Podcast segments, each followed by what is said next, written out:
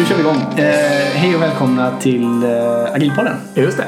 Avsnitt 61. Ja, och idag ska vi prata om Agil embedded-utveckling. sjukt spännande. Vi har fått många frågor faktiskt om, eh, om att många vill prata mer om det här. Och vi ska säga det att både du och jag är ju helt noviser. Vi har aldrig jobbat med någon Nej, form av hårdvara. Så vi har lite gäster här också som vi snart kommer att presentera. Eh, innan vi gör det också. Det säger vi tack till Informator Utbildning. Eh, gå in på agilpodden.se, klicka på informatorloggan, välj och vraka i ett fantastiskt kursutbud och skriv agilpodden i kommentarsfältet när ni anmäler er. Precis. Och sen våra kanaler är egentligen agilpodden gmail.com om ni har frågor eller någonting. Och annars kan man följa oss på Instagram under agilpodden. Och där i Instagram-profilen finns också en länk om man vill köpa vår bok. Just det. Coolt, då så. Ja. Eh, välkomna hit då. Tack. Tack. Vilka är ni? Jag, jag heter Daniel Tisell Och jag heter Thomas Gidén. och eh, jag, eller vi jobbar på ett bolag som heter Sigma Technology Consulting som är en del av Sigma-koncernen. Och eh, vi pysslar med typiskt embedded-utveckling. Väldigt mycket så ja. Vi kan ju säga det att bakgrunden till att vi sitter här nu är att ni eh, letade upp mig på Agila Sverige och sa att hej, ska, behöver inte ni göra ett avsnitt om embedded? Ja, det Ja, var lite exakt, så. ja. Och det hade vi dessutom funderat på då i Väldigt länge. Legat sjukt länge i vår ju backup. väldigt frestande. Det var ju, Bra, det var ju tur att vi, att vi tog oss mod då. Ja, verkligen. Träffade helt rätt där. Vad spännande. Vi kan bara börja med mina fördomar kring embedded. Eh, Gärna. jag tänker att eh, det är en värld jag inte vill in i. För jag, är, jag vill releasa ofta och ha snabba feedback-loopar. Nej men det lilla jag kan egentligen är just det här med, det känns som att det är otroligt långa releasecykler. Ehm, Kan det känns, vara. Det känns som att, Precis. ja men traditionellt kanske i alla fall. Och det känns också som att eh, det är väldigt långa feedback-loopar. Ja. Ja men verkligen. Det är väl de fördomarna. Eller Kan det du- vara kan man säga. Nej men det, det, det, det där är ju, du har ju slagit helt huvudet på spiken. ja, en till också. Det Ja. drar till sig gammaldags projektmetodik. Ja, Som, det, med, som en magnet. Ja. och det är ju 100% sant allt det där. Och ska vi börja med, ska vi börja med feedback-looparna? Ja, vad är embedded-utveckling ifall att vi... Ja, bra. Vi det- kan, vi kan Ja, det är bra. Vill du ta den Toppa? Ja absolut. Ja, men, om man säger så att vad är inte en utveckling? Nästan det man kan prata om. För att det är appar, applikationer. Om vi säger det och det du ser på din dator hemma. Det räknar vi inte som embedded. Men allting där under. Din, eh, om det är din kyl och frys, eh, din bil. Eh, ja, vi kan väl till och med dra till med saker inuti din dator. Saker som finns i ditt BIOS, eh, PCI-kortet och allt sånt där kan ju räknas. Det finns ju processorer inuti en hårddisk. Det är ju embedded-utveckling det också. Men, men generellt sett kan man väl säga att det finns en ganska tydlig koppling till en, en mekanik. Det finns en tydlig koppling till elektronik. Och, och gärna kanske det är styrning av det här. Och det, det finns, vad ska man säga, där interfacet mellan användare kanske snarare är knappar och spakar än vad det är ett, ett grafiskt interface. Om det ens pratar användare. Den här user story blir lite skevt att prata om. Men ja, nej men det här var någon annan burk portkalgränssnitt eller ja, vad det nu är liksom. Ni kommer inte kan räkna upp en, en mänsklig användare. Nej. Ja, jag, har varit nyfiken här. När jag gick på KTH för tusen år sedan då pratade man om mekatronik. Där utbildade jag mig Är till och det, med. är det en annan... Är det något annat? Eller är Vad det är bara... det? Nej, precis, det var precis det som var min fråga. Vad är Jag, jag skulle säga att embedded är det mjukvarudelen av mekatronik. Ja, precis. Ja, men då var Men, det det. men, men så att jag är utbildad på mekatronik på KTH. Ja. Också för, för tusen år sedan. Eh, känns det som. Mm. Eh, men, så det är därifrån det kommer. Och, Men man ska säga också att men, eh, det behöver absolut inte vara meka mekatronik i ett sånt Nej, system. nej. Jag har ju suttit många år på Ericsson själv och Ja. jag menar, i radiovågor. Ja. Då är inte en, en pryl som rör sig eh, där egentligen. Nej. men traditionellt kan man väl säga att det är en mikroprocessor Mm. som, som inte är en, en, en, en klassisk normal processor. Ingen X, X86. Nej, exakt. Och redan där är vi borta. borta det. Ja, men bra. Eh, Nej, men kör. Eh, vad sa ni? Ni vill börja i återkopplingsloopar. Jag tror att vi ska börja i återkopplingsloopar. Ja. Eh, för ja, men, m- mjukvaruutveckling, det, det är ju ingen skillnad från början. Man skriver sin kod och så kanske man parprogrammerar. Mm. Snabb loop, Ja, bra. exakt. Kodgranskar. Kodgranskar. Man kanske trycker på compile då och då. Och sen så kanske man kör sina unit-tester. Men här någonstans, redan här börjar det divergera. Men ja. Eh, för Om man har tur så kan man då köra sina unit-test på host, alltså sin egen utvecklarburk. Ja. Eller någon server då liksom. Har man otur, då börjar man landa på target som vi kallar det då, som är själva eh, det som du faktiskt ska exekvera på i en riktig produkt, en riktiga produkt, någon typ av riktig produkt. produkt. Precis. Det, det som händer här är att du måste ju jobba med om du, du säger att du har en hårdvara som ligger någonstans. Då måste du programmera bort den. Så du har massa extra jobb för att programmera bort den. Så kanske du måste simulera in data från någon buss någonstans. Så du har massa extra jobb där. Eh, och det är väl inte så att man inte måste programmera in testdata i, i, i en vanlig applikationssystem. Det måste man ju såklart. Men, men Ofta väldigt enkelt dock. Ja, och typiskt inte i det här fallet. och, och, och ju mer specifik hårdvara det är desto mer specifikt måste du, måste du köra det. Och det kan ju ta lång tid att bara köra på target så då vill man köra på host. Men helt plötsligt så har du två mjukvaror. Mm. Och du testar inte det som du sen ska köra. Nej. Och det kan ju skilja åt mellan olika processorer, vad som egentligen fungerar. Eh, Jag kommer ihåg en bugg jag skrev en gång. Jag, programmerade på en x86-dator och skulle köra det på en, ar, eh, en ARM. Och den ena eh, x86 stödde unalignade minnesaccesser och det gjorde inte ARM. Eh, Och jag hade ju klantat mig där med någon buffer liksom. Och det gick jättebra på unit-testerna men sen eh, smällde det väldigt obskyrt. ehm, I verkligheten. Ja, exakt ja. Och bara, ja, men om jag lägger till någon till grej i någon eh, strukt liksom. Ja, men då bara hoppade minnet och blev, eh, jag skrev över en massa annat minne. Eh, Inte skoj. Nej, och då, då blir det väldigt täckigt väldigt snabbt. Mm, Ja, liksom. och då, jag, jag lämna det där. Också typiskt eh, embedded människa. Ja, ja, väldigt. Ja, men det det är ju gärna så här, man, man, man, tidigt i ett projekt då sitter ju alla utvecklare med en stor processormanual med alla register. Så bara, hur funkar det här nu då? Så bara, Eh, men Det är ju gått kan man säga mer och mer mot standardprocessorer. Ja. Det är mera, innan fanns det ju som 10 000 varianter av processorer. Nu kör ju nästan alla ARM. För länge sedan var väl hårdvaran ofta dyr och, man, och ofta för då, alltså för långsam och det var jättemycket så. Alltså det var ju sån här maskinära programmering och ja, sånt där. Det har nästan ständigt slut på försvunnit. minne. Ja, Ja, så är det fortfarande. ja. Ja. okej det är det fortfarande. Alltså det är en, du måste ju göra en maskinnära programmering någonstans. Ja, men det är ingen som sitter i assemblerprogram Nej, inte Jo, assembler. jo. Ja, ja, okej, det händer. Men det är mindre vanligt. Ja, exakt. Men eh, ska, har du tillräckligt stora volymer så att du kan faktiskt spara pengar genom att eh, kunna köra lite fler användare genom eh, systemet dataströmmar eller vad det nu är liksom. Ja, då blir det värt det. Då blir det plötsligt. värt Ja, att liksom, Jag har varit i projekt där det var liksom hundratals människor som har suttit med skriva om saker från C till assembler bara för att kunna pressa det sista ur hårdvaran. Mm. Och då, För att tjäna på det, på de volymerna. Precis, för det handlar ju om att kan du spara en krona per, per enhet som går ut, då kommer du göra det.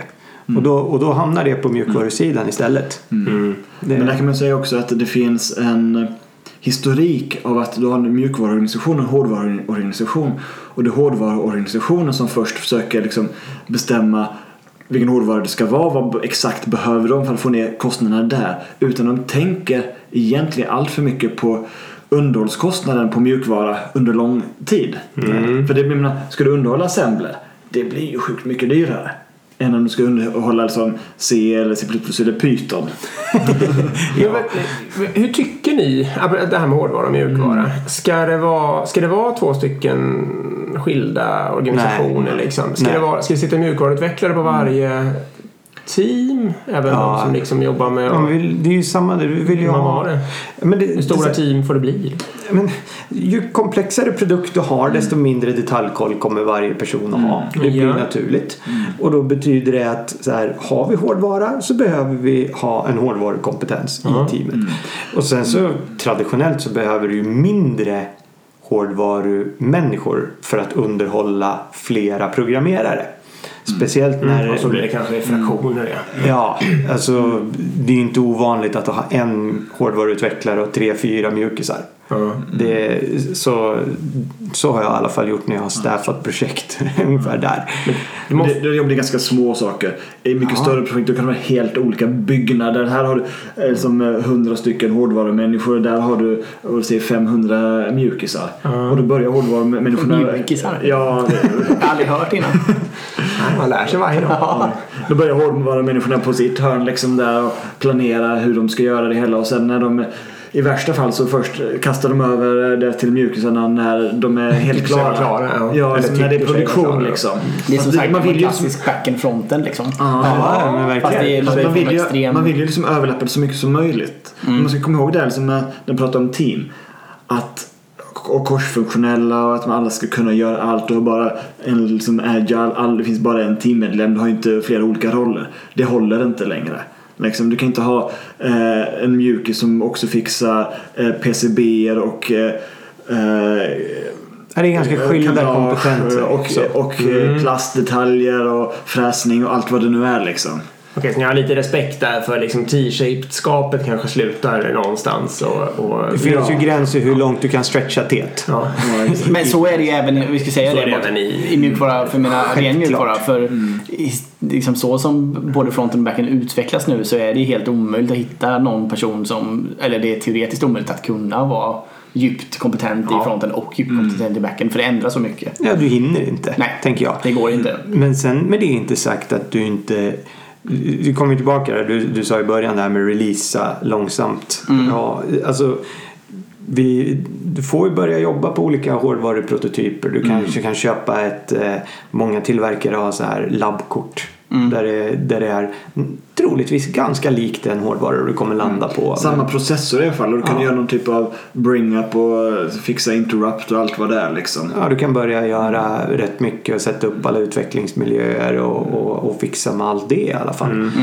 Och, och sen så kanske du kan göra applikationsdelarna så att du bara har liksom själva hårdvarulagret som du måste ändra i när du har valt så bara, nu har vi valt exakt den här konfigureringen. Bra, då går vi och fixar till konfigureringen men då har du fixat alla all logik och grejer ovanför innan.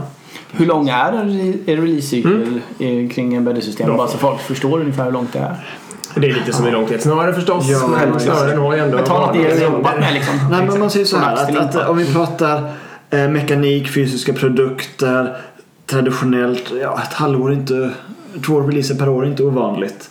Men jag känner ju till företag som har kommit ner till och faktiskt kan köra pipelines och kontinuerliga releaser på eh, ja, eh, två, fyra veckor. Mm. Ja, okej. Vi- Det kan ja, vara absolut. två veckor till Och det med. beror ju på det hur mycket mjukvara är det och hur mogen är produkten. Hur, hur, och hur, hur, hur liksom trygg är du med hårdvaran. För så Ta fort ett du måste exempel där på något som är snabbt då. Ja, men vi, vi har jobbat mycket med en hiss. Och, och där har vi ju på senare år stabiliserat hårdvaran. Den har inte ändrats speciellt mycket sedan de första barnsjukdomarna har, har Mogen strykts ut. Precis. Det betyder ju att nu pratar, då är det ju bara mjukvara som ska testas. Och då, då kan vi verkligen få ner cyklerna till att köra på simulatorer och, och ha koll på alla de grejerna. Och jag menar, i, i det teamet så skulle vi kunna, om vi vill, releasa varje dag. Men, men praktiskt sett så, så finns det en del så här vi, kanske, vi måste fylla i kanske vissa säkerhetsaspekter och vi vill definitivt inte gå ner till produktion en gång om dagen och säga så här nu har vi en ny mjukvara. Nej. Det, det orkar man inte driva därifrån. Då. Men, så där kör vi av hävd ungefär var tredje månad. Men vi kan göra det snabbare. Och vad skulle vara ett typiskt exempel på en lång releasecykel? Vilken produkt skulle Tänk, det vara? tänk dig bilar. Sommartest, vintertest. Om du ska lägga till en ny feature. Ja, nej, vi måste gå igenom sommartestet. Ja, det är oktober nu. Vi, vi, den går i juni eller vad det nu kan vara liksom. Då ska vi åka ner till Spanien och köra lite värme och se hur det fungerar då liksom. Ja. Vi, på ett projekt vi jobbar i så håller vi på att köpa in en ny hårdvara nu. Och, och där pratar man om att eh, ja, vi kan nog ha en första prototyp batch om fem månader. Och, och sen så skulle vi nog kunna mogna den till efter nästa sommar. Eh, och då någonstans ska man vara redo att gå den i produktion. Då. Och, och där är ju en inbyggd eh, liksom motsats här. Hårdvaran är ju på något sätt per definition mer vattenfallsorienterad. För du måste skicka den till en, en fabrik och en produktionslina och så kommer det ut någonting på andra sidan. Och du kan inte bara uppdatera den som du vill heller ute i fält. För då måste du ta in alla gamla produkter. Och det är ju en sjukt stor kostnad. Ja. Och du vill inte sitta och löda bort komponenter och löda på nya. Nej, inte i onödan. Eller patcha kablar och, och sådana där saker. Det, det, är bara, det är bara jobbigt. Och då byter man ju ofta hellre. Då skickar man en reservdel om det skulle vara så. Men, men, eh, men just om det är en produktlansering så blir det ju väldigt kritiskt där när man bestämmer sig för att nu är vi, nu är vi där. Mm, och när man har skickat ut hårdvaran då har man egentligen bestämt sig. Det satt jag och funderade på. Det beror ju lite på vad det gäller. Det beror på antal enheter och så beror det på hur dyra de är. Men man binder väldigt mycket kapital i de här hårdvarubesluten jämfört med mjukvarubeslut. Väldigt mycket. Det, är, Det måste ju vara en väsens skillnad där mot, ja precis. Ja, det, var det tar lång tid att ändra det tar, och det, det kan kosta mycket att ändra. Och, och, och det är likadant så här. Det blir ju jättejobbigt som mjukvaruutvecklare när hårdvarumänniskorna kommer då och säger så bara nu är vi färdiga. Det här är systemet. Och då har vi liksom så bara, men vilken, vilken kapacitet behöver vi egentligen då? Och, och sen kommer vi två veckor senare och säger så bara hörni, vi tänkte så här. Vi tänkte att vi behöver nog en USB-port också. Och då kommer och säger så bara glöm det. Det skulle du ha sagt för fyra månader sedan. Och då så bara, "Ja, men då hade vi inte ens börjat med mjukvaran. Sen har du ju andra sidan av det hela också. När de kommer efter att det varit eh, ute i, i produktion i ett halvår och du har 10 000 enheter över hela världen. Liksom. Men vi upptäckte att vi har problem med hårdvaran. Kan inte ni mjukt eh, fixa det? Ja, kompensera Ja, vi har för mycket friktion. Ja, vi har lite för mycket friktion. Här kan inte ni i mjukvaran lösa det? ja, den är, det finns ett begrepp för det. Eh, vi, vi kallar det för glue software. Alltså, vi ska limma ihop saker. Det, Och det är typiskt sådana här saker. Så här, friktion kan ju de flesta ingenjörer lista ut att det uppkommer inte i mjukvara. Nej. Nej. Men eh, då kan det ändå vara så att då får man göra det. Har ni något roligt exempel på något sånt som har lyckats? Ja, absolut. Eh, Det, vi, tonvis höll jag på att säga. Men vi, ett, eh, ett så, så hade man man hade glömt eh, man hade köpt in fel display. Ja. Så den var liksom mindre.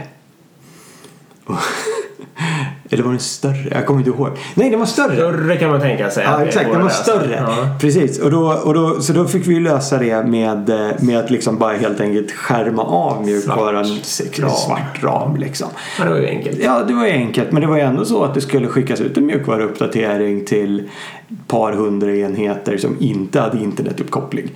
Ja, och då får man det problemet istället. Ja, exakt.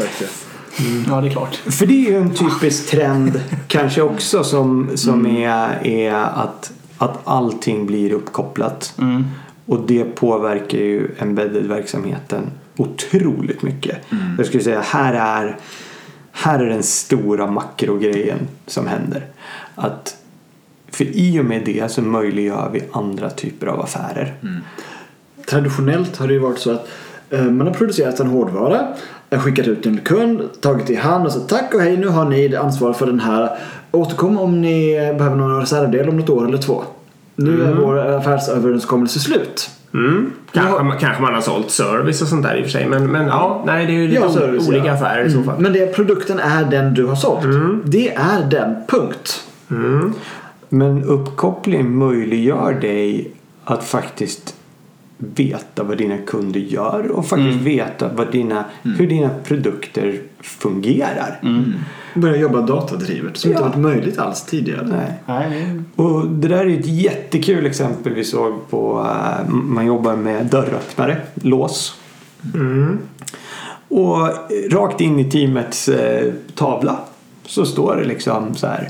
Så här är felprocenten på misslyckade dörröppningar. Hela tiden. Varje dag liksom. Realtidsdata in från 10 000 installerade lås. Det är ju superbra för teamet att få. En bra källa. Och då går det faktiskt att vara agil, alltså ha en återkopplingsloop. Hur har det gått för produkten? Det gick inte tidigare innan man hade en uppkoppling. Du hade inte den återkopplingsloopen, punkt. Nej.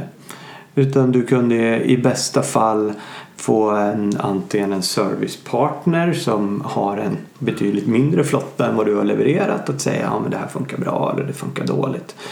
Och, eller, eller Enkäter. Enkäter, ja men precis. Och då ska vi också komma ihåg att så här, det är oftast drivet ur ett helt annat perspektiv än för dig som produktutvecklare. Ofta. Du, det är ju inte så, du, du får ju inte den på ditt bord och säger bara hur kan du utveckla den här produkten bättre sen. Det, det datat är väldigt långt, långt bort. Mm, det är gömt under flera lager av andra sorters frågor. Ja, precis. Man, man får inte en enkät som säger ofta misslyckas öppna dörren. Nej. Nej. Och, och sen är vi tillbaka till det här med, med, med feedback-loopar. Att, att eh, simulering, är det, är det liksom ett, ett, ett vettigt alternativ? Är det ett kostnadseffektivt alternativ? Eller ska du bygga, bygga riggar? Och, och vad har du för resurser på dem? Hur många riggar har du? Hur stora team har du? Hur många vill ha de här riggarna? Och eh, värsta scenariot jag har sett så hade man en kompilator till åtta mjukvaruutvecklare. Och sen så var det 15 minuter eh, liksom hysteres på den på eh, nätverkslicensen. Vilket betydde att vi kunde ju alltså kompilera fyra gånger i timmen med åtta mjukvaruutvecklare. Förstår ni hur mycket koordineringstid i teamet som bara gick åt till så här, vem har kompilatorn? det, är, det är ju inget roligt. Men min bild av det här är lite att det är fiffigt att Alltså jag jobbar med en blandning väldigt ofta. Alltså att man försöker, de sakerna som man är mest beroende av försöker man simulera så man kan testa simulerat. Ja. Eh, och man försöker jobba ganska långt med det men det är också väldigt viktigt att så småningom blanda in verklig hårdvara för att man kommer ändå ha gjort några små fel även i sin simulerade hårdvara. Och särskilt om det rör säkerhets... Kritiskt. Eh, alltså om det är autonoma fordon och sånt där. Ja. Är det, ja, det Ja, är det. absolut. Ja men det är definitivt så. Men- men- Och, Går, går det, för det är ju en intressant, om man pratar hela um, embedded-projekt liksom. Är det en först, är det, går det skitlångsamt i början för att man ska eh, få fatt i hårdvaran, lite fortare i mitten för att inte snoga och så går det åt skitmycket tid att testa på slutet igen liksom. Borde ju vara så. Ja, det det blir ofta så. Men det, det, sen kan man ju försöka ha en ambition på ett annat sätt. Att, att på något sätt försöka ta fram hårdvaran lite så här modulariserat.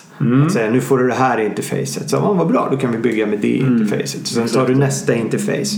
Och eh, du brukar ju prata om eh, ASICar och FPGA som ett sånt Ja, exempel. för de som inte känner till det här, eh, som jag säkert inte alla lyssnare eh, känner till. Så en ASIC det är, jag vet inte vad det är. det, det är en, ett hårt chip. Ja. Och en, ett hårt chip som Egentligen det kan vara en processor, det kan vara en grafikprocessor eller det kan, USB-chip eller vad det nu är. Den är helt definierad från, från eh, fabriken. Det här kan den göra, ingenting annat. En FPGA det är egentligen att du kan koda in grindlogik. Eh, Du kan definiera grindlogiken som ett program. Inte, inte ett sekventiellt program på det sättet men grindlogik som du kan ladda upp i runtime egentligen. Det här Så- är alltså ännu täckigare. Det är alltså typ så här programmerbar hårdvara. Ja, exakt. Som då går i mycket högre hastigheter. Du kan ju liksom ha där du, om du vill ha saker som ska takta liksom på mikrosekundnivåer. Liksom. Cykelexakthet. Som protokoll utåt sådär. Och de kan du då uppdatera efterhand om du upptäcker att du har buggar. Det kan du inte göra med ASIC. Nej, då får man Du måste göra nya. slänga den och köpa nya. Ja, jag var med om ett projekt en gång. De fick tillverka en ASIC och när de fick den efter jag tror det var nio månader från leverantören så visade det sig att le- leverantören hade gjort en liten, liten miss. De hade råkat knyta resetpinnen till, till jord. Vilket betyder att chippet var hela tiden i reset. Tråkigt. Väldigt tråkigt. Liksom. Så att, ja, det var ju bara att vänta och göra en respin liksom där på ett antal månader. Ja, shit. Eh, vi, var inne på, eh, vi var inne på det här med gamla projektmodeller. Ja. Vad kallade du Ja. det för? Ja, men alltså. Projektfaser eller gamla projektmodeller, ja precis. Ja. Vattenfall. Ja, och, och det där tror jag är, det där känner vi av. Det tycker vi är en, det är en utmaning för branschen. Ja. Och det, det kan ju te sig i många olika sätt för, för ofta, ofta i agilt så vill man ju gärna ha, ha team. Det är kul med team. Men om man är en organisation som kanske kommer från en, en produktionskoncept. Alltså vi producerar den här hårdvaran och vi säljer den. Och i, historiskt så var det mer hårdvarubetonat. Det var, det var kanske metall och, och kisel. Och nu, och det kommer det bli ännu mer, så kommer det bli mer och mer mjukvara. Men man organisatoriskt är man nästan uppbyggt som en produktionslina. Och, och då gillar man att så här, du har ditt ansvar och jag har mitt ansvar och du har ditt ansvar. Och det blir väldigt gärna att man bygger den typen av strukturer med enmansansvar. Att man har ansvar för någon typ av sak. Och då får man den arkitekturen också. Precis, du, exakt. Och, och, och då blir det väldigt svårt helt plötsligt att säga att så bara, ja, men nu, nu ska vi köra ett team som är, som är korsfunktionellt och så ska vi jobba tillsammans. Och, men det funkar ju bara en viss bit för då har du kanske så här, du, du har du har, kan ju ha belöningsmodeller på bolaget som går helt emot det för du har saker som är kopplat till att du ska uppnå vissa resultat för din del som du är ansvarig för. Och alla som har jobbat i någon form av projekt vet att ibland så, så passerar man deadlines utan att leverera. Och när man gör det så kommer jag alltid då gå tillbaka till det som är viktigast för mig. Det är en naturlig reaktion. Och därför så blir det ju också och så plus att man, man producerar hårdvara, det är vattenfallsbaserat och så kommer vi säga nu ska vi jobba iterativt och ta fram det stegvis. Och, och så säger vi att vi ska prata om user stories. Ja, men det, vilken user då? Hur- vem, vem är det som använder den? Och, och framförallt så här innan Det kan ju vara så här vi kan jobba i tio månader innan någon som ska kanske sälja produkten ens förstår att det här är en produkt. Nu finns det någonting att visa. Alltså, den runwayn är, kan vara gigantisk. Ja. Så prata om vertikala stories, man måste ibland begränsa sig. Liksom. Det kan inte bara gå hela vägen upp till användaren, slutanvändaren. Liksom. Den här klassiska analogin med en MVP. Att så här, först bygger vi en skateboard, sen bygger vi en kickbike och sen bygger vi en cykel och, och det här. Det var inte så Tesla gjorde. Om man säger så när de byggde sin Tesla-bil. Eh, Men det, det, det är ju svårt för att när vi, om vi kommer dragandes med våran skateboard så kommer ingen som ska sälja den här och, och, och som har relation med kunder, slutkunden och användarna. Då kommer vi säga, vad ska vi med den här till? Den kan inte ens eh, en tredjedel av det som vår nuvarande produkt kan. Jag kan inte visa den här. Eh, Ja, man får det problemet ju. Betatestning och alfatestning är, är svårt. Jag blir nyfiken, jag satt faktiskt och tänkte på Tesla. Jag tänker att det vanliga är ju på något vis att man har ett hårdvaruföretag som får en större och större andel mjukvara på något sätt. Alltså det statistiskt sett vanligaste. Men Tesla skulle man ju nästan kunna, med, eller jag uppfattar det som ett mjukvaruföretag som dras med en hårdvara. Ja, men exakt så. Och är det stor, vet ni något om Tesla? Alltså är det stor skillnad? Är de bättre på att hantera alla de här frågorna? Det är egentligen det jag De är bättre på att hantera mjukvara än, än alla andra. Ja, men är de Eh, bättre på helheten tack vare det här? Liksom? de jag kanske- tror det. För det, eller, det vet jag inte rent så här kvantifierbart. Men om man tittar på jag som användare tycker jag Ja. att det är jättekul. Då är de ju nöjda. Exakt. För att jag vet att jag får mjukvaruuppdateringar. Jag vet att min bil inte blir gammal på samma sätt för att jag kan få nya funktioner och den, blir, den, den fortsätter leva med mig. Och det tror jag är just för att det är som du säger att det är ett mjukvaruföretag som dras med en hårdvara så har man mentalt ställt in sig på att vi levererar en mjukvara. Och vi ska säga det då att Tesla gör ju mjukvaruuppdateringar över internet. Eller hur? Ja. Till skillnad från... Det, Det finns, det finns väl ingen annan bil, bilmärke som gör det mig vetligen. Nej, jag vet inte heller. Frågan är ju hur lagligt det varit också. Egentligen med regler och sådär. Men De har kommit undan med det. De har ändå än lyckats så länge med det. Ja, exakt. Ja, Du har väl någon rolig sån som du la ut på vår Insta någon gång? Ja, just det. Ja, den är helt fantastisk. svarade och sånt Ja. där efter typ en timme. Jo men den kan vi ta. Exakt. Jo men det var eh, en, eh, som, det var en som, tweet, ja, det var en som twittrade honom att varje gång han går förbi med sin mobiltelefon i garaget så plockar Teslan upp bluetooth och tar ljudet. Ja. När han går och lyssnar typ på musik eller vad det var. Så han kunde inte gå förbi med sin telefon där för Tesla plockade upp och det blir något stör med något sånt var det.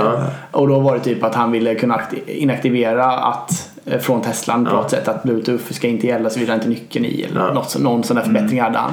Och då var det verkligen en timme senare så twittrade han tillbaka att det finns en uppdaterat, det är bara att ladda hem. Ja.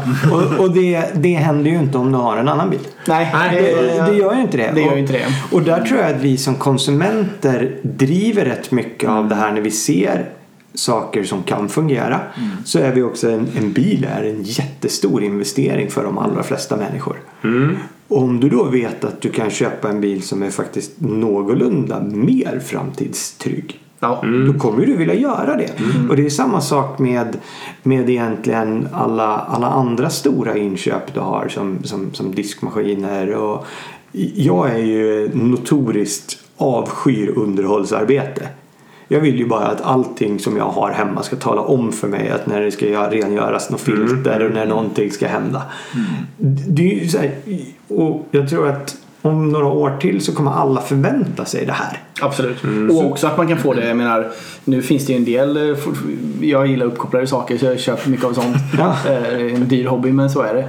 Eh, Jag vill till exempel att min tvättmaskin ska ge mig information i appen och att jag ska kunna starta den när jag inte är hemma och Ja. alltså alla de här grejerna som är helt självklart men som än inte, det är inte det än idag. Nej, jag kan inte ens boka min tvätt. Jag måste gå ner med nyckel liksom. Ja, du ser. Det är gammalt. Det är gammalt. Och, och, och jag tror att det där kommer ju driva på hela den här frågan att så här, okej men då ska det in mer mjukvara i ytterligare grejer som inte har haft mjukvara. Och då måste det, för att det ska funka rent affärsmodellsmässigt så måste det bli mer standardiserat. Och det blir det ju eftersom ja, men hårdvaran, mer avancerad hårdvara blir billigare. Plus att det är inte, alltså jag tänker att redan nu, jag köper ju mina, de produkterna jag köper köper jag ju på grund av mjukvaran inte av hårdvaran. Ja, Så ja. det blir liksom att kunder kommer också vilja ha mjukvara. Det kommer vara viktigare än, att, än hur hårdvaran presterar. Precis. Och så är det väl på en Tesla om vi hoppar tillbaka till det lite. Nej, alltså det är klart det är en fin hårdvara också. Men det är mjukvaran som är deras USP ändå på något sätt. Alltså unique selling point. Det finns inte jättemånga elbilar som har den rangen och så vidare heller Nej, egentligen. inte heller. Men Det är väl väldigt Nej, de har ju en, en produkt som sticker ut. Det har de i allra högsta grad. Men, men jag, jag tycker det där gäller, gäller det mesta. Du köper, du köper inte en telefon för att eh, den har, eh, den har bäst eh, antenn. Nej, det är man ju inte. Skärm kanske man i och för sig tittar på. Men det är Ja. precis. Men det är ju väl mest det. Det är ju Ja, men den skärmen kommer ju vara liksom vilken som har roligast färger på något sätt.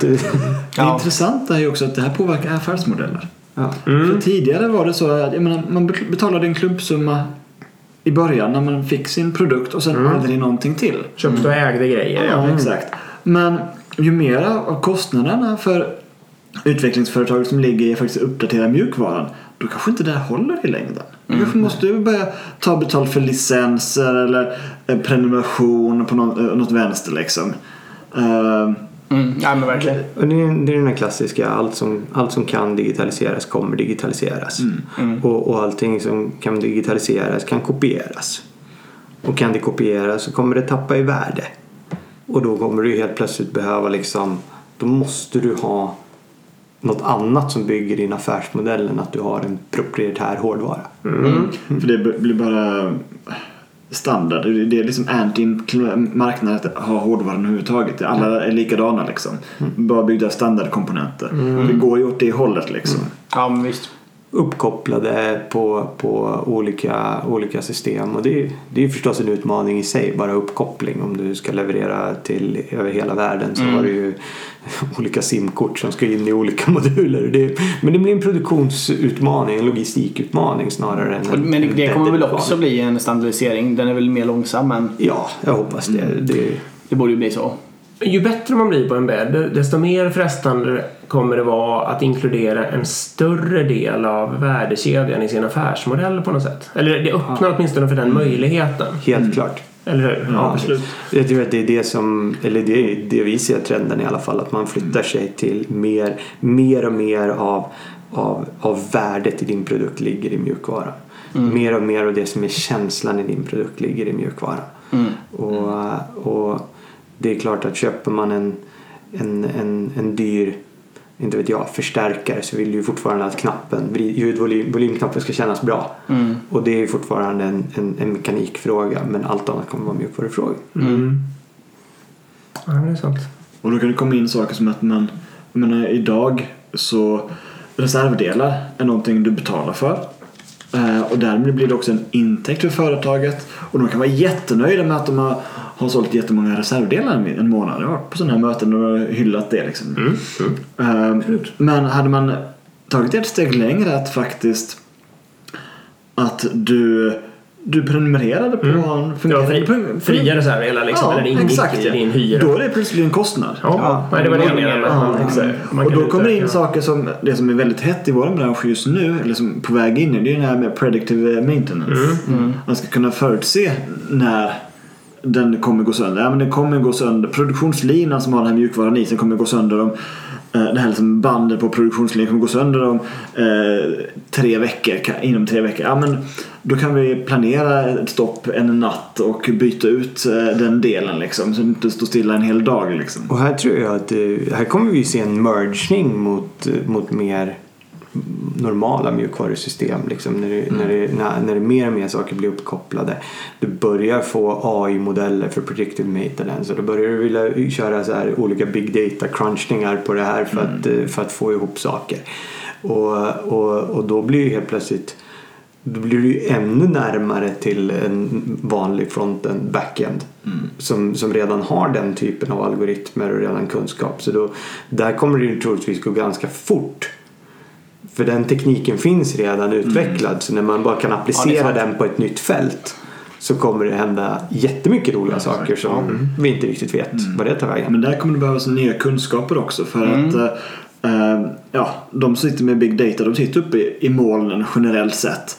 Och då är frågan om har vi överföringskapaciteten att föra över all data upp i molnet eller måste vi köra liksom edge computing, köra modellerna ute i, i någon, ja om det nu är GPU eller någon eh, eh, processor eller mikrokontroller nära hårdvaran.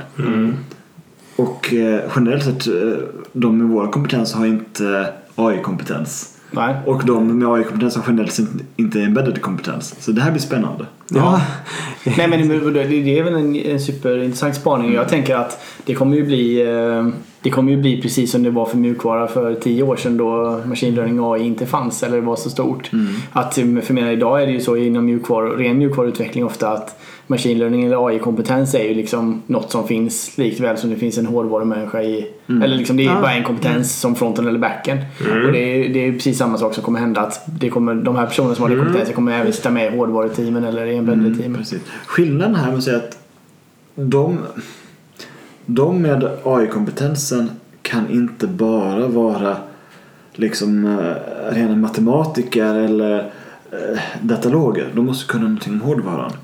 Kunna kontrollteori, eh, alltså reglerteknik eh, etc. Liksom, eh, de här mer fysiska grejerna. Åtminstone måste man kunna prata med de som kan det så Exakt. att man kan samarbeta.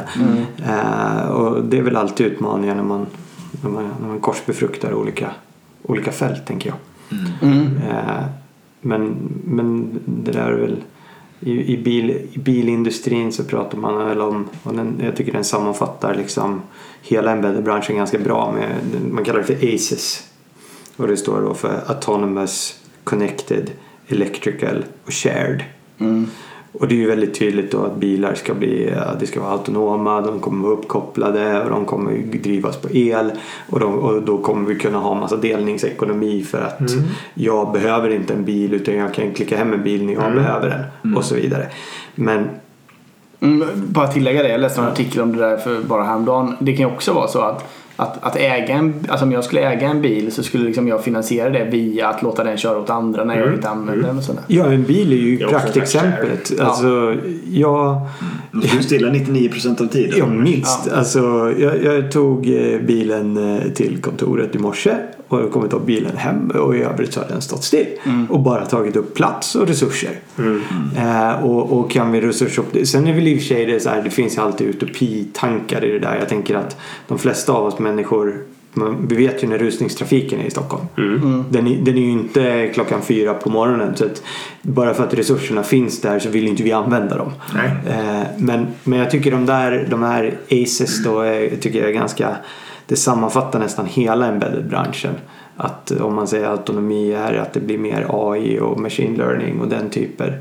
Och det blir connected. Sen är det redan elektrifierat då men, men att, och att share-delen kan vi säga att den, den möjliggör nya affärsmodeller och nya tänk. Mm. Eh, Så den, eh, det är min spaning i alla fall. Mm, det var intressant. Hur lång tid tar det att och, och, eh, och liksom introducera en vanlig mjukvaruutvecklare i, i ett embedded team?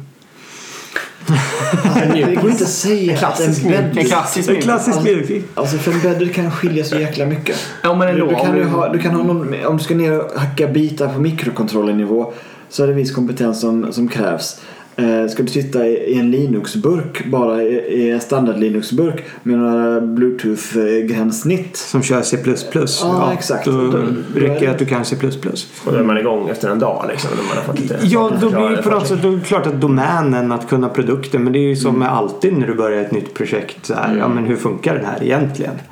Eh, och, och, det, och det är klart och sen så ju obskyrare produkt det är desto jag, jag jobbade en gång på ett styrsystem till en en borr som borrar hålen mellan vingen och kroppen på flygplan. Det låter viktigt. Viktigt, du får ju inte, det får inte bli dåliga hål. Eh, jag, har, jag har kopplat upp kossor på internet för att kolla om de är, om de är eh, vad heter det? In heat. Eh, brunstiga. Ja. Eh, ja, om du vill producera mjölk om du har mjölkkossor då, vill du, då, då måste kossorna producera mjölk också. Ja. Tjurar är dyrt. Ja. Eh, det är det som är affärsmodellen i alla fall. Eh, och det är klart att så här, den grejen är ju klurig att lära sig. Jag vet när jag kom ut dit i, i liksom läderskor och, och skjorta Ja. och så kom man på, på så här, nu ska vi på besök. Och så här, är ett par gummistövlar och en overall. Nej, du fick låna det. Och jag var ju livrädd. Det är ju kossor. Jag har aldrig sett kossor förut. Liksom. Och, och det, är- det är ju den grejen som att domänkunskapen blir kanske lite mer udda. Om man... Mm. eh, om man. Alltså, Det är mer olik per grej liksom. Ja, vem är det egentligen som är kunden? Ja, men en mjölkbonde. Vad gör en mjölkbonde? Vad är viktigt för en mjölkbonde? Det har man ingen aning om. Nej. Eh, Nej, det är klart. Jag förstår det. Men Men, är, du- det, är det vanligaste sättet att rekrytera in folk i det här eller lär man upp nyexare i... eh, Liksom? Det är nog som alla branscher, tycker jag. Alltså, det, det är klart att det är väl en, också en kul spaning att eftersom det rör sig mer mot mjukvara så blir det ju också liksom större konkurrens om talanger. När, jag, när jag tog examen så var det ju mer så här, jag ville jobba embedded. Då, fick ju, då hade ju inte jag konkurrens av, av dig som ville jobba med software. Mm. Vi var ju på olika Ja, planhalvor. Liksom. Ja, men så är det ju. Men, men rör det sig med mer mjukvara, det blir mer högnivåspråk och, och helt plötsligt så kommer ju, kommer ju bolagen slåss om samma, samma kompetens. Så är det. Ja, bara en sån sak som att, eh, att de flesta embedded-produkter får fler och flera visuella gränssnitt. Det är inte bara en knapp. Utan ja, du ska ha en app till den. Du ska ha ett webbgränssnitt. Mm. Jag har sett senast med en, eh, som agil coach visserligen, men med en produkt som hade en inbyggd skärm på burken. eh, Och eh, den körde en webbläsare. Och samma webbläsare, eller samma kod skulle köra på en extern eh, uppkopplad Ah. webbläsare också. Man hade samma slags gränssnitt oavsett om man var på produkten Ja, exakt. eller var som helst. Med en touchskärm. Ja. Egentligen. Så att, Det är smart. Produktionssystem som går på, eh, man går på iPads eller något liknande som ska, som ska konfigurera just den här enheten som ska till just dig som du har beställt den med den här konfigurationen. Och så du är uppkopplat till, liksom, eh, till, till säljsystem och CRM-system och, och, och hela den biten. Och då, då blir ju kopplingarna blir tätare liksom. Och då behövs det mer av rena mjukvarufolk. Som inte behöver kunna liksom eh, bitar och reglerteknik och, och pys och Allt viktigt. annat. Tryck och pis. Allt som jag inte kan. Ja. Men eh, touchade vi på det? Det är viktigt. Det är en grej att tänka på som jag inte hade tänkt innan jag träffade er. Det var ju att man behöver ta i lite när man dimensionerar sin hårdvara så, att, så att man inte låser in eh, mjukisarna. Ja, exakt. Om man har en produkt i alla fall som ska leva i tre år, fem år och sånt där. Alltså, det är ju- Så finns det ett värde att kasta med lite jox så att det sen finns något att jobba med. För Det- att få den här eftermarknaden och så Det är vidare. verkligen vanligt måste jag säga att man sitter där. Ja, nej men nu har vi inte flera eh, byte att skriva features på. Vi måste ha ny hårdvara. Mm. För att platsen är slut. För de har optimerat det. Så man säger okej ska vi ha tre gånger så mycket minne som vi tror att vi behöver vid första releasen eller fem gånger eller vad, vad ska vi ha egentligen? Finns det en gyllene regel där om man Ja, använder det ligger det? någonstans där. Egentligen Ja. med det. Jag skulle säga att det, det ökar med tiden. När man fattar att, det, att, att hårdvaran kommer leva längre och eh, ehm, därmed Mjukvaran mer. Ja, exakt. Ja. Det beror på livslängden på produkten. Är det en hiss som ska leva i 30 år eller är det liksom en MP3-spelare? Well, nu inte det. Det var ett bra exempel. De är igång. ja, exakt. Ja. Nej, och, och sen så jobbar du ju ofta gärna med kanske Alltså att konfigurera hårdvaran i mjukvara. Att du, du kanske säljer den med en massa funktionalitet. Men den är inte upplåst för att du har inte Nej, köpt den. det. Det, det är ju också vanligt. Då, då betalar du ju, så här, hårdvaran följer ju med. Så den finns där så kostnaden har ju tagits i produktion. Men då har man tänkt att så här, om vi har en version så är det billigare än att ha flera versioner. kan man sälja mer. Men jag tänkte även på det här caset att om man skickar med tillräckligt mycket sensorer och grejer för att sen kunna göra fordonet självkörande och sådär. Trots att man inte har lyckats bygga den mjukvaran. Eh, det är, Tesla har det som, eller en försöker med det i alla fall. Det är en bett de har gjort. Att de tror att de har det. Ja. Sen eh, har jag ju hört från andra att det kanske de inte riktigt har. Men det kan ju hända att de självkörande är- finns ju massa olika nivåer och det kan ju i alla fall hända att de har öppnat för någon högre nivå än den som kom med när de sålde bilen. Och du- om det inte är fullt autonomt. Precis, så de kanske når en level Till, hög till. tack vare det, liksom. Och sen så i nästa generation med, av hårdvaruplattformen de sä- säljer så har de ytterligare lite sensorer. Så att de kommer ändå nå dit före sina konkurrenter för att de, De har- utvecklar hårdvaran iterativt också. Misstänker jag liksom. Ja. Och, eh, Och och, de använder användarna som, eh, som försökskaniner. ja, på ett Ärligt sätt. talat, ärligt talat det, det är ni som köper Tesla eh, som eh, hjälper till att utveckla bilen. Mm, Och eh, Ja men det gör du ju när du kör Uber också. Att, eh, är du, kör, du sitter ju bara och tränar den algoritmen som de kommer använda för när de har självkörande bilar. Det är det du gör om du är Uber-förare. Sen får du betalt för det. Det är jättebra. Men det finns det olika typer av kritiska system då förstås. Ja. Det är en skillnad mellan som ni pratar om Bluetooth i Tesla-bilen och bromssystemet. Mm. Det är okej att det kan vara några buggar i, i Bluetooth. Du vill inte bara pusha ut en uppdatering för bromssystemet. Så det slutar Eh, funka eller något. Ja, exakt. Eller funkar alldeles för bra. Nej, precis. Eller att mjukvaruuppdateringen kommer när du är på väg in i en rondell. Det, det, det är ingen bra läge. Mycket sånt klassiskt. Hur arbetar man generellt som ett embedded team? Kör man enveckorssprintar och releaser till testmiljöer? Och... Jag skulle säga att eh, målet är nog att alla har eh, hårdvara vid sin, sin bänk som man kan ha target. Eh, och, och köra tester på. Sen så tror jag enveckorssprintar är nog ganska snabbt i våran värld. Ovanligt. Ovanligt, Tre, absolut. Tre är ganska... Och sen ska man ju säga att det här är en generellt sett så är det en bransch som vi tränar ju fortfarande på konceptet sprintar. Eh, Så det är ju, jag har kört träningar med grupper som absolut, så här, man gjorde en sprintplanering så tycker man att gud vad bra vi är nu. Nu har vi gjort en jättebra planering. Och sen typ så här, en dag senare så man vad gör ni då? Nej men ingenting som vi planerade för nu har det här och det här och det här hänt. Och då, då, då blir jag som, som blir ju lite, lite galen på sånt och så säger jag okej bra då kör vi en endagars sprint nu. För allting ska göras. Så om vi inte kan planera längre än en dag, då har vi endagarssprintar. Se vem gjorde det som var meningen den dagen. Exakt, och sen så får man när teamet blir moget liksom skala ut. Men då kommer vi tillbaka till det där med, med, med, med traditionella organisationer och hur projektmodellerna ser Ja. ut. Att man, det kanske så här, det ansvar som du har och som du är van vid och som de som är utanför mjukvaruavdelningen som kanske kommer med beställningar till dig. De bryr sig inte om sprinter. Nej. Nej. Men vad bryr de Vad har de i sitt huvud? Har de liksom milstolpar och projektfaser? Ja, det är så. och, ja. och sen kan det ju vara och så de, här... de är flera månader då, och år Ja, och sånt där. år. Och, och sen, sen, ja, och så, eller, så är det bara en så här liksom du du vet ju alla att det finns personer som har mer eller mindre traction i organisationen. Mm. Då kommer det tillbaka någon, någon som har haft, eh, varit på kundbesök. Mm. Som säger att, eh, och så går man in i, till eh, mjukvaruavdelningschefen och så säger man att nu hörde jag det här och den här feedbacken. Nu är det här högst prio.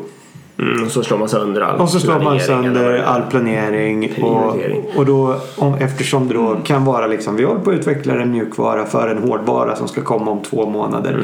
Det är ju stor risk för waste här. Eh, Eftersom det är svårt att knyta ihop en hel release så snabbt som man gärna vill. Då. Ja, jag förstår det. För, har man, jag får- bara kolla, har man olika kan, kan man för, för, ha mjukvara varje vecka och sen så kan hårdvaran ibland jobba i sprintar som är någon multipel av mjukvarans? Nej, så brukar man inte köra det. Mer projektbaserade. eh, Okej. Egentligen. Det, jag skulle snarare säga att de gör moduler då kanske och så säger man att så här, nu har jag utvecklat den här delen. Så nu, och jag, jag beställer prototypkort på den. Ja, nej, okej, det blir ju projektmetodik direkt där. Ja. Men det, det, igen, det beror på. Om man pratar vad, vad är hårdvara igen? Så att med Ja, FPGA-kodare då liksom, som är i det där gränslandet, det är programmerbar hårdvara. Ja, de kan jobba, lika gärna jobba i sprintar och jobba parallellt. Liksom. De, de jobbade som en sprint före egentligen då. Ja, men nu gör de någon funktionalitet som vi mjukvarugänget använder nästa sprint. Sen finns det ju några eh, begåvade mjukvaru eller hårdvaruutvecklare som, som, som är bra på det här. Och som kan anpassa sig och som kan, kan, kan tänka längre än, än, än att så här, jag måste få ihop min, min, min lista till, eh, till maskinen som ska bygga kretskortet. När, när de inkluderar sig i mjukvaruutvecklingen och mjukvaru inkluderar sig i hårdvaruutvecklingen så får du ju liksom då, då, då kortsluter du på något sätt. Även om loopen är lång för hårdvaran så har du betydligt bättre koll hela vägen. Mm, det är klart. Du är samspelt. Men Kommer eh, befintliga eh, hårdvaruföretag lyckas transformera sig eller kommer de bli omkörda? Jag tror att det finns jättemånga som, eh, som är, eh, är Nokia-varning på. Liksom. Ja. Eh, behöver kanske inte nämna dem som är min, Vi tar en topp fem. som är på min lista. Ja, nej men eh, där man, där man liksom tappar bort sig. Sen så tror jag också att med att man går mer liksom mot, mot moln och, och, och uppkoppling och sånt där så tror jag helt plötsligt att så här, stora mjukvarutunga leverantörer som så här Amazon och, och Microsoft kommer ju helt plötsligt bli viktiga spelare i embedded-branschen också. När, när det helt plötsligt ska hostas i någon Azure-lösning och sånt. Och de kommer ju mer och mer skapa de här plattformarna på embedded-sidan som kan koppla upp sig mot just deras moln. Och standardiserade lösningar för det. Precis. Och göra det Nu- enkelt. Ja, exakt. Nu när det blir mer och mer standardiserad hårdvara. Det, är ju det, det ser man ju redan i såna här eh, vad heter de, HomeKit och, och, och andra sådana liksom öppna plattformar för att, eh, för att ta emot devicer och aggregera dem på ett ställe så att du inte behöver ha 19 olika appar som du ska konfigurera allting i. Eh, För det orkar man ju inte heller till slut. Nej, visst. Google Home till exempel som jag kör. Ja.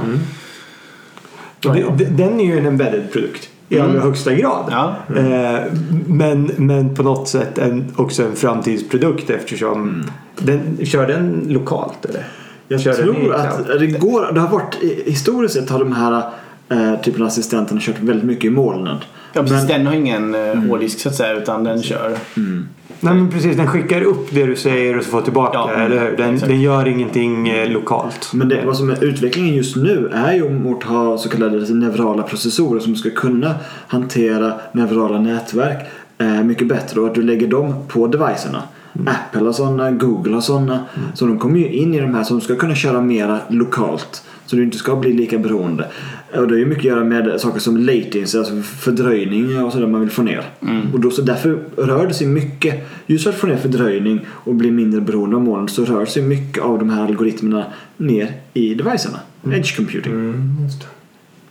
Ja, precis. För den Google Home skickar alltid alla instruktioner upp och ner igen, eller hur? Även om det är något väldigt lokalt som ska hända. Men det kanske är en... Precis, det beror på vad man håller på med förstås. Mm. Ja, verkligen.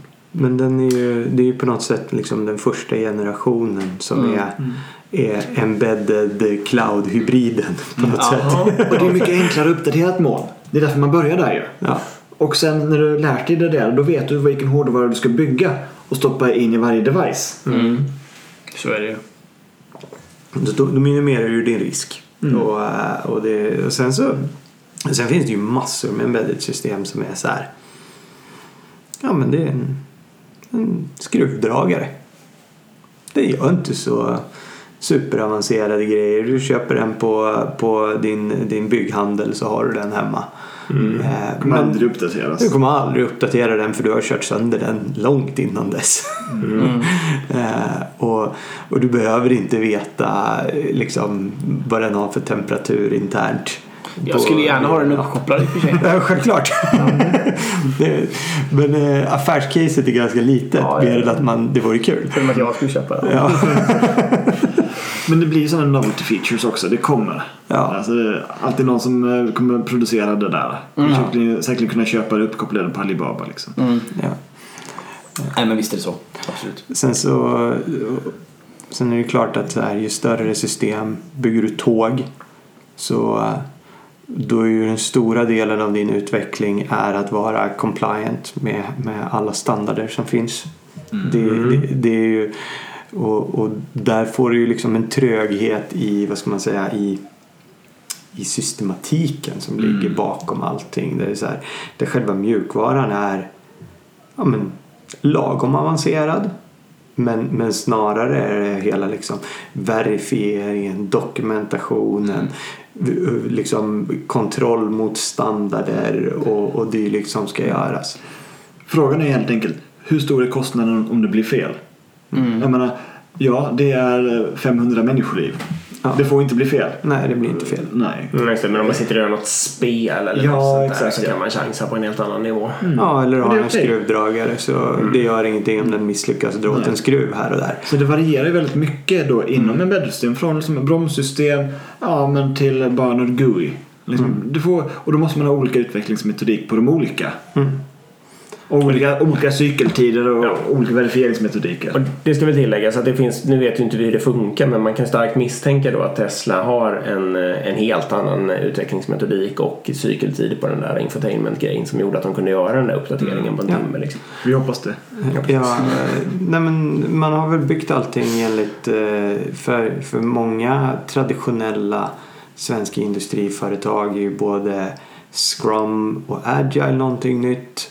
Och då har vi inte ens börjat prata med liksom continuous integration, continuous delivery. Det kan ju vara någonting jättenytt. Och, och kompetenser som man absolut, och då ser man bara kostnader för, för servrar och underhåll och licenser och det här, det här blir jobbigt liksom. Det här vill vi inte göra. Men det, det, de vill ju gå dit. I alla fall continuous eh, delivery. Inte dit. deployment, liksom att trycka ut till eh, fysiska enheter vid varje incheckning. Det, det håller liksom inte. Det, det är långt borta. Precis.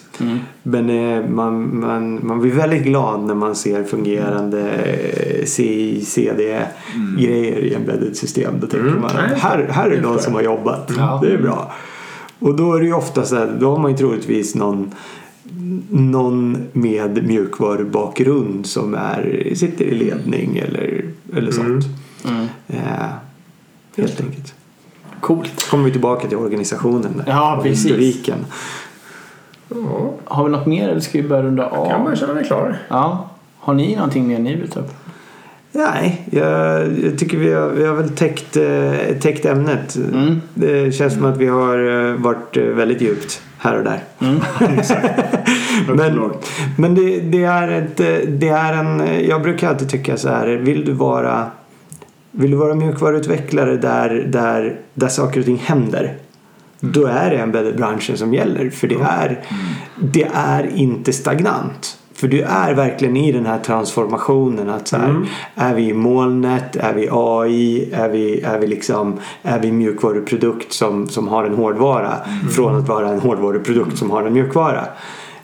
Det är rätt coolt med hårdvara helt enkelt. Ja, men det, det, det, det händer mycket. Det, Ja, det, Ja, du kan påverka världen på ett rätt stort sätt. Som, eh, som kan skilja sig från en, eh, en webbsajt. När vi ville ha flygande bilar, men vad fick vi? Vi fick Tesla. Det är ett steg på vägen. Ja, exakt. Ja. Tack så jättemycket för att vi fick komma hit och prata. Vad sa du? Jag vill pitcha transformingembedded.com. Ja, gör det. Varsågod. Det är en Ja, webbsajt. verkligen. Kör. Ja. Där vi, där vi eh, blabbar på om vad vi ser är de stora sakerna som händer inom embedded och hur de, vi, behöver förändra oss i framtiden. Precis, det är därför vi kallar det för transforming embedded. Och precis av den anledningen jag var inne på alldeles nyss. Det är en bransch som är under transformation. Och det är, det är kul att vara i. Så vi, vi gör våra små agilspaningar och, och hur man kan jobba med sådana saker i, i den branschen. All right. Och hur hittar man dit då? Om man googlar bara på det, Transforming Embedded, så hittar man. Ja, eller så... Transformingembedded.com. Ja, det är adressen. Det är, det. är enkelt. Eller så, så kollar man upp mig eller Thomas på, på LinkedIn. Det är väl, vi Ja. brukar posta där också. Okej. All right. Har ni, jag måste ju bara fråga nu för det går inte. Har ni sett Tillbaka till framtiden i, i närtid? Inte i närtid. Nej. Men man vill ju ha skateboard. Kanske, för att eh, det roliga med den är ju då nämligen, jag vet inte, den kom ju för 30 år sedan ungefär. Eh, Det är att eh, liksom cirkus hälften av de där grejerna har ju slagit in eller någonting i den storleksordningen. Alltså Skype på skärmar och lås med fingeravtryck och vad det nu är för någonting. Men jag tror till och med att de här självsnörande skorna har, har de faktiskt producerat nu. Och uppkopplade. Du kan liksom tala om för Siri att snöra dina skor. Mm, är. det läste jag också. Men har någon bugg i den där tror jag. Ja, det, gick. det är coolt. Ja, men det rekommenderas både till er och till alla lyssnare om man vill eh, vad heter, få lite perspektiv på embedded. Att vissa saker händer faktiskt. som Ja men det, det händer ju. Och, och det där tycker jag också är kul. Man, man, man spanar. Man, det är alltid an, ofta andra saker som händer. Det är en sån här klassisk sci-fi grej. Vi kan åka i warp speed och sånt. Men vi har jättesvårt att prata med varandra från ena sidan rymdskeppet till den andra. Då har vi en telefon så här, med, med kabel. Eh, Så uppenbarligen så tyckte vi att det här med kommunikation var roligare att innovera kring en, en, en framdrift av rymdskepp. Just det. Ja, men coolt. Ja, Tack för att ni kom hit. ja tack så jättemycket. Tack för att du var här. Ja, tack till Informator för att ni är med oss. ja, Och tack till alla som lyssnar. ja verkligen. Hej! Hej! Hej.